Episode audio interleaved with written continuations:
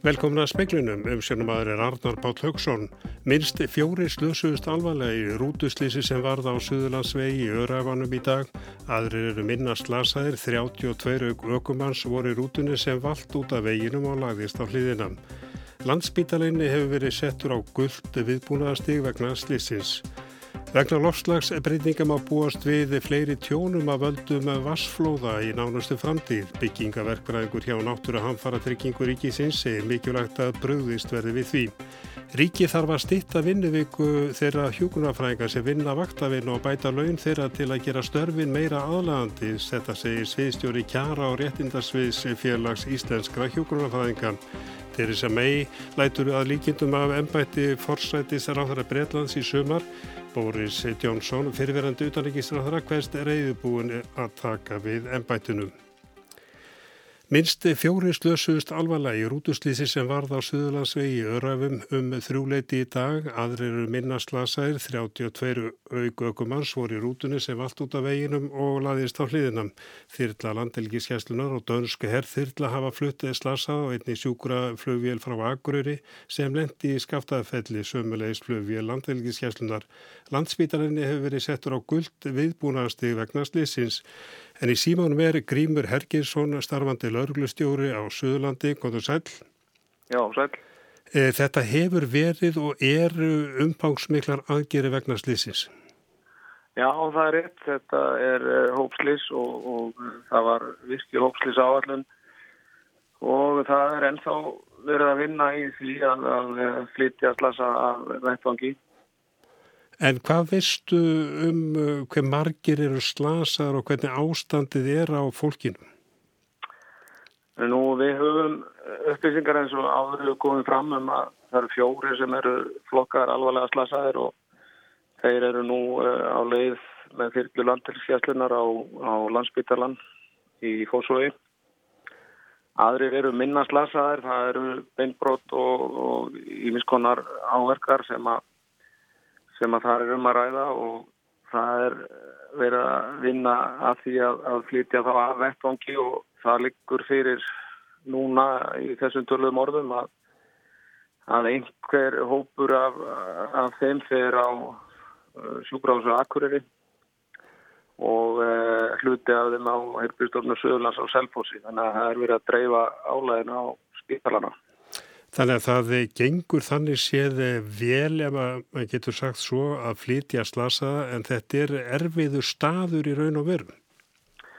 Jú, það er eitt jáður. Þetta þetta er í rauninni um það byrjum mitt á milli hafnar í hodnafyrði og, og kirkibæklausturs uh, í úræðunum og, og það eru tölvara veðalendir sem um er að ræða bæði að fyrir uh, björgunar aðla að koma sér á vettang og síðan að flytja á uh, helbæðistofnanir sem eru auðvitað langt undan þannig að þetta tekur sín tíma en það er unnið að þessu hörðumhöndum með aðstóð fjölmargra aðila. Suðlandsvegur, hann er lokaður, hefur það skapað vanda?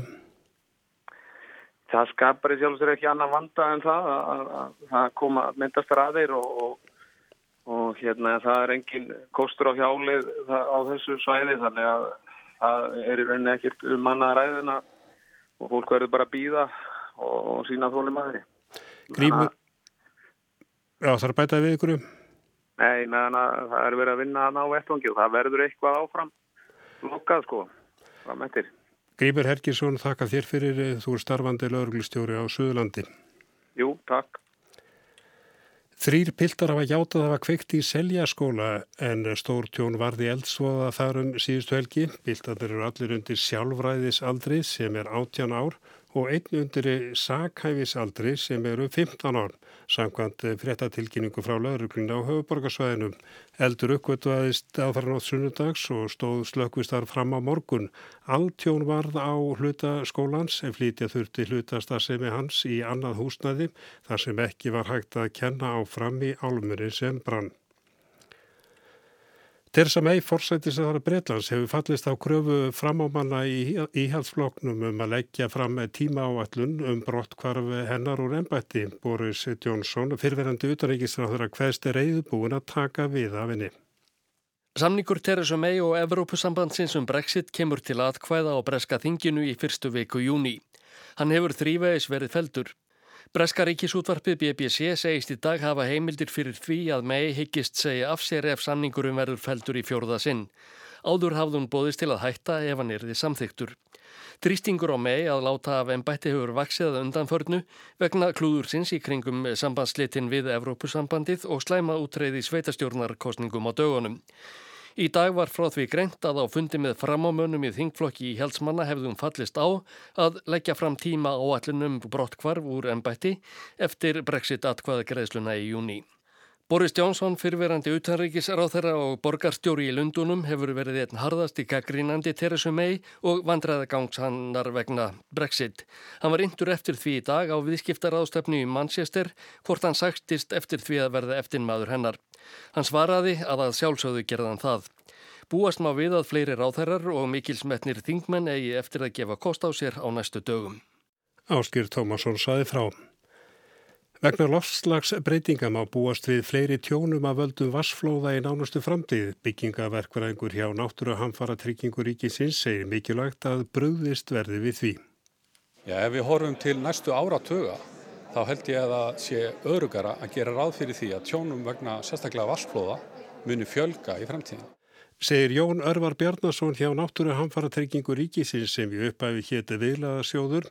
Eignir sem etnan er á tæbli af 13.000 miljardar eru tryggðar hjá náttúru hamfaratryggingu. Frá 1987 hafi verið greittir með 33 miljardar króna vegna tjóna sem flokkastundur er náttúru hamfarir. Jón Örvar segir að sjóðurinn verði að meta hver mikil áhrif lofslagsbreytingar geti haft á stöðu sjóðsins og grípa til viðegandi aðgerða ef þess gerist törf. Hann segir annarkortu þurfa að hækka yðgjöldin eða fara út í fyrirbyggjandi aðgerðir. Það er hægt að velja hvort kostin sem er. Það er hægt að taka því sem að höndum ber og þá þarf vantalega að hækka yðgjöld í framtíðinni til þess að standa ströym af tjónskostnaði eða þá að velja að skoða með opnum huga aðgerðir til þess að draga úr áhrifunum. Fyrirbyggjandi aðgeri gætu verið að byggja varnargarða, sjóvarnir og ofanflóðavarnir, minka afreynsli í þjettbíli og auka afkasta getu fráveitna. Þetta kom fram á ráðstefni í dag sem loftslagsar áð emdi til og bara yfirskriftina er við tilbúin aðlögun Íslands að loftslagsbreytingum og nána verður fjallaður ráðstefna eh, síðar í speklinum. Og þá til Noregs. Marta Lovisa prinsessa á að afsala sér tillinum þar sem hún notfari sér hann í viðskipta tilgangi, segir í leiðra dagblansins eh, Feðrelands vennen í Noregi í dag. Hún tilkynntis á samfélagsmiðlum fyrir vikuna og hún hefði eignast nýjan kærestan og að þau áformuð að fara saman í fyrirlestraferð. Nýr kærasti prinsessunar heitir Djurek Verret. Hann tillar sig sjaman sem útlegst sem galdraleknir eða seðskratti. Saman ætlaðu að fara á fyrirlestrarferð sem þau kalla prinsessan og seðskrattin. Það fer fyrir brjóstið á leiðara höfundi feðri landsvennin í Kristjánsandi. Hann segir að, að það sé vissulega engamál mörtu lofísu að eignast kærasta en þegar hún higgist nota prinsessu titil sín í viðskiptalegum tilgangi sé réttast að hún afsali sér honum.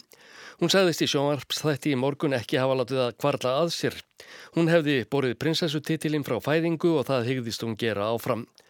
Talsmaður hýrðarinnar segir að ekki hafi verið rætt um að sveifta hana tillinum en fylst verði með markasetningu fyrirlestraferðarinnar og umræðum um hana. Af umfjöllun um Djurek Verrett á netunum ára áða að hann og galdralækningar hans eru umdeildar. Hann kom hinga til lands fyrir nokkrum árum af vegum félagskapar sem nefndist tveir heimar. Í tilkynningu um heimsóknina sagði að meðal skjólstaðinga Verretts væru tónlistarmenn, forstjórar stórfyrirtækja og kongafólk í Evrópum. Áskýr Tómasson saði frá. Og ára lengri haldið er rétt að minna á að sjónvarsvettir hefast nú klukkan 18.20 en ekki klukkan 7 eins og vennilega vegna beinnar útsendingar frá setni undankefni Eurovision sem að hefst klukkan 7.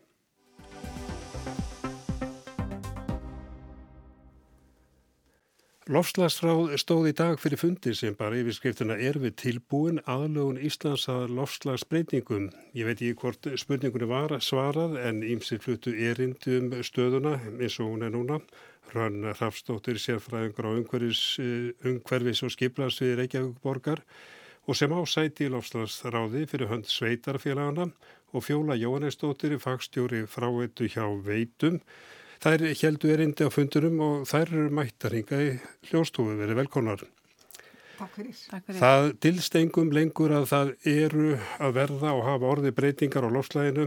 Umræðan hefur skilina beinst mikið af því hvernig við getum dreyið og áhrifunum, minkað mengununa. Hínlegin er að það verða breytingar sama hvað við gerum og þess vegna var spurt uh, hvort við værum tilbúin og ég ætla bara að byrja á þeirri spurningu, erum við tilbúin? Og þá er ég að tala um aðlögun vegna þeirra breytingar sem eru fyrir sjálegar. Já. Hrönn eða fjóla? Kanski, um, ef ég má byrja, Já. á hérna, um ræða á þeim við fjóla, okkur líði þannig við sem komin lengra eldur en við kannski höldum eftir daginn í dag. En svona, svo ég kannski monti mig pínu lítið Reykjavíkuborg, þá vorum við búin að leggja fram aðgera allir um aðluguna loslasbreytingum í loka ást 2017. Þannig það var svona fyrsta skrefi þeirri átt allavega. Fjóla, erum við tilbúin, erum við aftalega á meirinni eða erum konaðins framar? Við erum aftar en nágranna þjóður okkar, en við erum að mjaka okkur nær og við erum búin að vera í samstarfu með Reykjavíkuborg að innleggingu að aðlögunar verkefnum um hérna, sjálfbara ofanslösnir. En e, þið voru sérstaklega fjallum Reykjavík, eh, kannski stílega hrönn þú ert í hérna, starfari Reykjavík og þú hjá veitum sem að sjáum eh, fráveituna á höfuborgarsvæðinu væntalega að hvað erum við að, að tala um? Það, það er staðinni þannig að það verð, er ekki um flúið að það mun gerast eitthvað en vitum við hvað mun gerast eða hvað er í vændum? Byrjum á fjólu. Já, við vitum það að það mun líklega rigna meira á stittri tíma. Það kannski kemur ekki meiri rigningi yfir allt árið það koma svona ákaveri skúrir. Og frátukerfin eru kannski hugsuð fyrir þessa hefbunni íslensku rigningu að taka við svona litlu magni í langan tíma heil og heilu dagana en þessi stuttu ákvöðu skúrir eru bara ekki þekktir og þar leðandi er kerfið ekki kannski hannað fyrir það og við viljum reyna að auka seglu kerfisins þá með að nýta græn, grænar lausnir og græn svæði og vera ekki bara með malbygg og hellur og öllu. Förum aðeins yfir í grænu lausninar en uh, Rann, já, veist þú, þú ert búin að velta þessu fyrir hvað mun gera sérna á Reykjavík svæðinu og jafnvel höfuborgarsvæðinu? Mm -hmm. Sko, hérna við gerðum útækt á þessu áður en aðgerra allir var lagð fram og það er einmitt eins og fjóla nefnir að það er aukin svona úrkvæm komu á ákef, það var einn af áhættu þáttan í hjókur og svo náttúrulega annað aðri sem hefur verið þekkt lengi og það er hækkun sjáastöðu út af hérna hækkun sjáamáls bara almennt. En svo líka höfum við að kortleggja þá breytingar á lífriki og plöntum út af hérna eh, breytingu lofslagsbreytingum almennt. Og þegar við tölum um að sjávar borð hækki þá er það kannski svolítið misvísandi eh, hvað varðar hérna Suðurlandi eða Reykjavík svæði að það er líka vegna þess að það er landsig á sama tíma þetta er þannig sé óhefilegt. Já, þetta er hérna einmitt þetta spila saman og líka ef það er meiri líkur á ofsaveðri eins og hérna eins og aukinu úrkomu þá getur verið bara meiri svona sjáagangur upp á, upp á fjörunar heldur en við hérna höfum verið að horfa til núna. Þannig að þetta getur verið samspil margra þáttan. Í skýslunum ykkar sem varst að vitni á þann, þá kemur fram að sjáariðu borðið hækki hugsanlega um 60 til 1 metra á næstu 100 árum. Já. Þetta er mikið. Já, þetta er mikið en það er þá gert ráð fyrir því skipilagsgerð þannig að settir ákunni gólkútar fyrir ofan sjámál.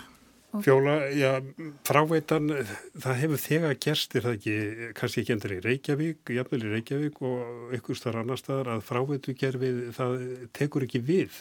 Hvað, þú talaður um að við ætlum ekki bara að hafa malbygg, hvernig bregðistu við við því þegar fráveitugerfið í þessum stóru skúrum?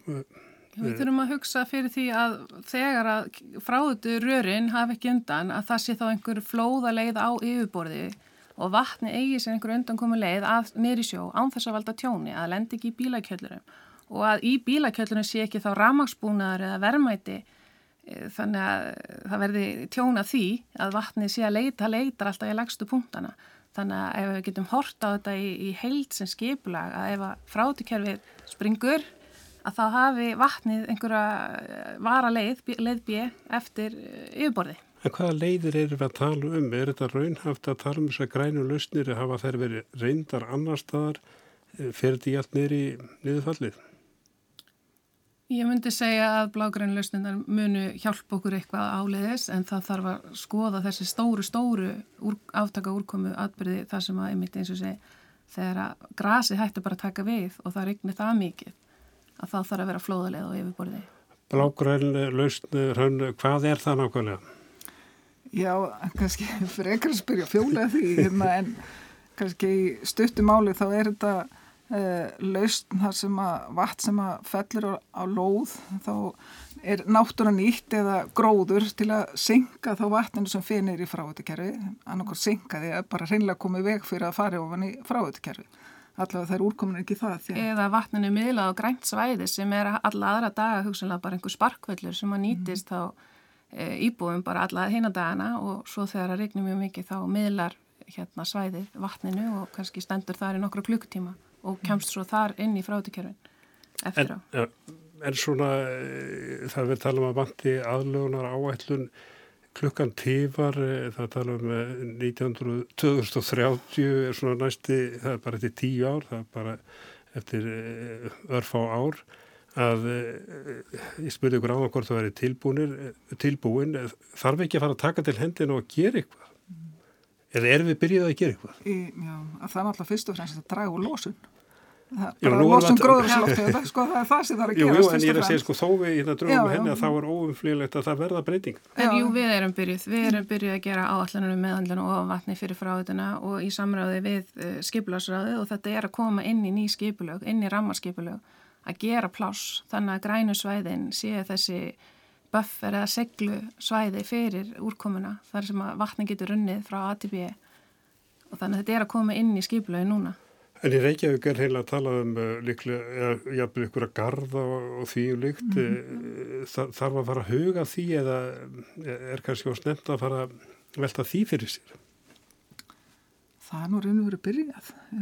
Já, við, það er bara, þetta er allt frá því að vera bara einhverjur örfáði fermetrar upp í bara mjög stór svæði sem við erum að skoða bara óðinstorgi eru að tala um bara mjög litlar einfalda lausni þar sem eru bara byrjuð að setja niður svona, svona tafir, svona blágrar það sem að vatni rennur fyrst í eitthvað blómabeð og svo nýri frátikerfi og hérna þannig að við erum bara að byrja á litlum skala og svo bara líka á stónum skala í, í skipulasmálunum En uh, þetta kann kannski virkið svo heims enda spá en uh, þessa breytingar munu hafa áhrif á fjölmarka einstaklinga fyrirtæki og samfélagi að svona hafið hugað að því þá er við bara hvernig Jón Jónsson bregst við þegar mm. allt fyllist hjánum og þú spurður fjólar ásefni hver á að borga? Mm. Já það þarf að skerpa svolítið rammana. Hver gerur hvað? Hvernig íbúinn þarf að bregðast við hjá sér? Hvernig veitan bregst við í sínu kerfi? Og hvernig sveitafélagin bregðast þá við þá stærri atbyrðum og hvernig þá almannavarnir koma inn þegar að atbyrjunir eru bara orðnir að mjög stórum skala? Af því að úrkoma, þess að veðufar mun alltaf vera til staðar, við erum bara að tala um að það verða íktara, þannig að við höfum alltaf verið að hugsa um 100 ára skúrin en kannski verður hann bara stærri hérna í frá, þannig að við höfum alltaf vita að hann myndi koma. Hrann, ég veit að þú starfa hjá Reykjavík, þú situr í lofslagsstráði og þá á vegum sveitarfélaganu það ekki. Jú, veit. Veistu eitthvað um stöðun og annar staðar eða er þetta mjög mismunandi, er þetta bara svart og hvít hvað sveitarfélagu þurfa að gera? Uh, ég þekk ekki nákvæmlega stöðunu hjá öllum sveitarfélagunum en ég svona ímynda mér að það sé ólíkt. Ég hérna nefndi eins og í dag eins og hafni hotnafyrir það sem að landi bara reynilega að rýsa og svo veit ég að það eru sem sveitafélag eða svona flest sveitafélag sem náttúrulega líka við sjó þau gera ráð fyrir hækkun sjáubós í sinni skipularskerð þannig að ég veit til þess. En það er alveg hérna komur að segja það er alveg svona áhuga á meiri samstarfi meðal sveitafélag og varandi þennan máluflokka hef ég heyrt. Þannig að það er bara vonandi að svo vegferð sé að byrja.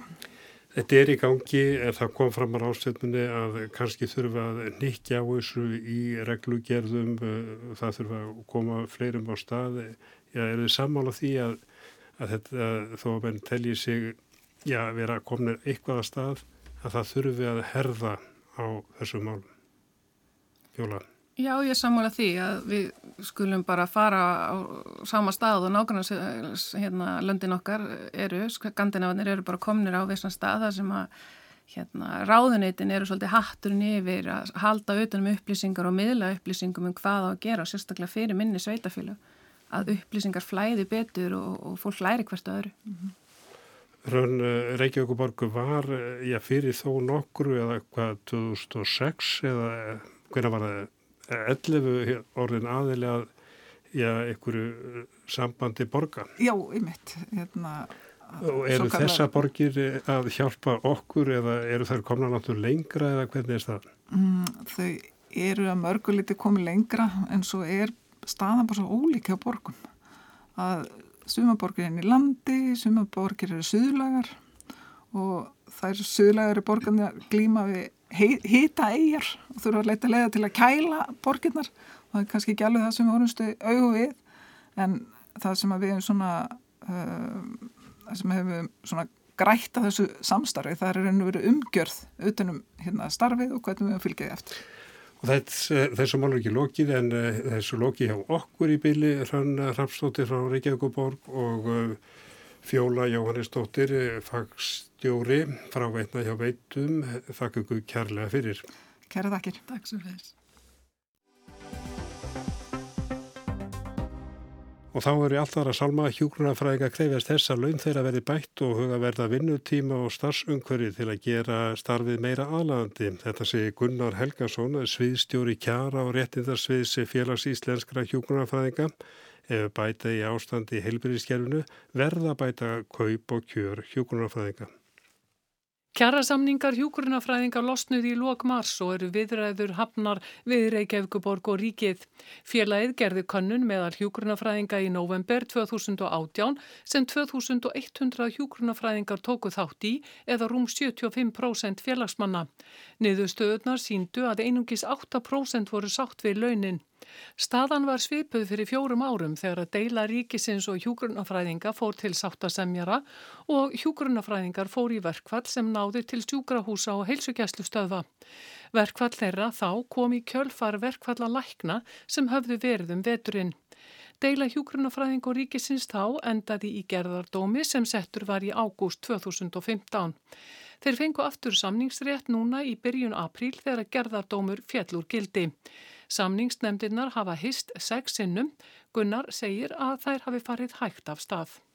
Ég held að það sé ekki hægt að segja að sé kannski hægt að segja að beri mikið á millu vegna þess að við höfum kannski ekki fengið neitt nema kannski megin útlínu þeirra í kjærasamningu. Við höfum ekki fengið, fengið kannski bent neinar hugmyndir. Við höfum svona jú skilabóð og varðandi það hvaða ráðrúðinni telli sig hafa en það er ekki komið neitt á blað beint varðandi hvert þeirra tilbúð er hvað, hvað var það launalíðin eða en við allavega finnum það að það er hlustað á okkar hugmyndir og, og við erum reynda nálgast verkefni þannig að, að við viljum sjá bæði breytingar og launum, vinnutíma og starfsöngur í hjúgrunfræðinga og, og það byrtist þá í þessum nýjum kjærasamningum eitthvað skona framtíða sín fyrir heilbreyðskerfi að sé gert eitthvað í þessum kjærasamningu til að breyðast við þeim sem vanda sem við erum með innan heilbreyðskerfisins.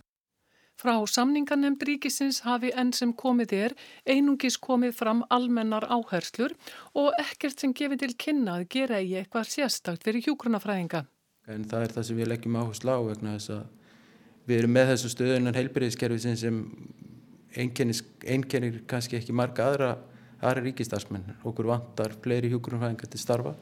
Það er skortur á hjúgrunafræðingum. Það sést, sést bara fréttum sem berast frá landsbytalunum eða innan úr kerfinu, það er ekki hægt að opna hjúgrunn heimila á seldaninesi, það eru lokur rúm á landsbytalunum, það er mikil byggtími á bráðamáttöku, landlæknir er búin að tjá sig um það. Og við teljum að þessi kjærasamlingar þurfi að bera þau skilabóð út til hjúgrunfræðinga að það sé einhver, að það standi til að gera okkur breytingar til þess að bregðast í þessu ástandi. Getur þú sagt mér svona uh, hvað helst þarf að gera? Bara, hvað er í ykkar kröfugerðu? Í okkar kröfugerð eru við að leggja áherslu á það að það þurfa að bæta laun hjúkurumfræðinga, það þurfa að þuga að vinnutímanum og starfsöngur í hjúkurumfræðinga. Mjög mikið álag sé á þeim hjúkurunafræðingum sem vinni vaktavinnu. Þannig oftar en ekki að þegar þú ert komin upp í fullt starf og þarf það að sinna þrý þrennskonar vöktum, morguvöktum, kvöldvöktum og nætuvöktum að þá er oftar en ekki staðan þannig að þú þarf að rástafa frídeginni þínum í sem svepp sem dagvinnumæðurinn þarf ekki að gera, hann rástafar ekki frídegunum sínum í svepp þannig að við myndum vilja sjá að það er því í þessum breytingum að vinnutíma tekið sérstaklega tillit til þess að, að það að vinna vaktavinnu og það að vinna kannski þessar erfiðustu vaktir sem eru þá að sérstaklega nótti til að það veri tekið eitthvað meira tilliti til, til þess þannig að hjúkurumfæðingarnir þyrta ekki að rástafa í rauninni frítímanu sínum í söfn. Vegna fyrirkomulags vaktavinnunar sé nánast útilokað fyrir hjúkurnafræðinga á þrískiptum vöktum að vera í fullu starfi og því eru flestir í lagra starfslutfalli. Gunnar segir að menn sé að vakna til vitundar um áhrif vaktavinnu á starfsfólk. Lögreglan á höfuborgarsvæðinu hafi til dæmis gert breytingar á vöktum lögreglumanna. Þannig að hildarvinnutími þeirra er er eitthvað starf í kringum 156 stundir á meðan vinnutími hjúkurumfræðings í fullu starfi eru 173 þrjárstundir á mánu og við vitum til þess að á almennamarkanum, til dæmis í álverunum eru þeir sem eru að vinna vaktavinnu þeir eru að vinna stittri vinnuvík og þar er verið að taka til þess að vaktavinnan felur í sín meira ála og við teljum að ríkið þurfi í raunin að fara þessa leið til þess að það sé hægt að gera þetta starf meira aðlæðandi og gera þeim sem er í starfinu meira kleifta að sinna starfinu. Stjórnvöld hafa bóðað markvíslegar aðgerðir í tengslu við nýlega lífskjara samninga meðal annars skattalækkanir, aðgerðir í húsnæðismálum og styttingu vinnuveikunar. Gunnar segir að ekki hafi reynda á áhrif þessara samninga á kjara viðræður hjúgrunafræðinga og ríkisins en skinja megi hjá viðsemjemdum að þeir verði hafðir til viðmiðunar. En það sem við viljum horfa til er að er að það þurfa að gera eitthvað sérstatt varðandi allavega kjör vaktafinu stjætta og, og heilbriði stjætta sem er að starfa í þessu kerfi það sem er skortur á fólki til starfa og þá sjáum við kannski ekki alveg ekki geti sagt nákvæmlega til um það þegar við höfum ekki fengið tilbúð þar lúndandi frá ríkinu en, en við myndum allavega hérna, vilja sjá eitthvað meira meira til handa hjúkurumfræðingum til þess í rauninni að það sé hægt að bæta ástandið eins og þið er. Félagið hafi auk þess benda á að málið snúist ekki bara um kaup og kjör hjúgrunafræðinga heldur um allt heilbriðiskerfið. Hvernig heilbriðiskerfi Íslensk stjórnvöld alltaf hafa hennar til framtíðar því að það er alveg ljósta að hjúgrunafræðingar eru eina mikilvægastu stjættunum í innan heilbriðiskerfisins og það er vandsið hvernig menn alltaf í rauninni að bæta ástandið innan heilbyrðiskerfisins eða, eða hafa hérna, heilbyrðiskerfið til framtíðar ef það verður ekki gert eitthvað til þess að bæta kaup og kjör hjúkurunarhenga.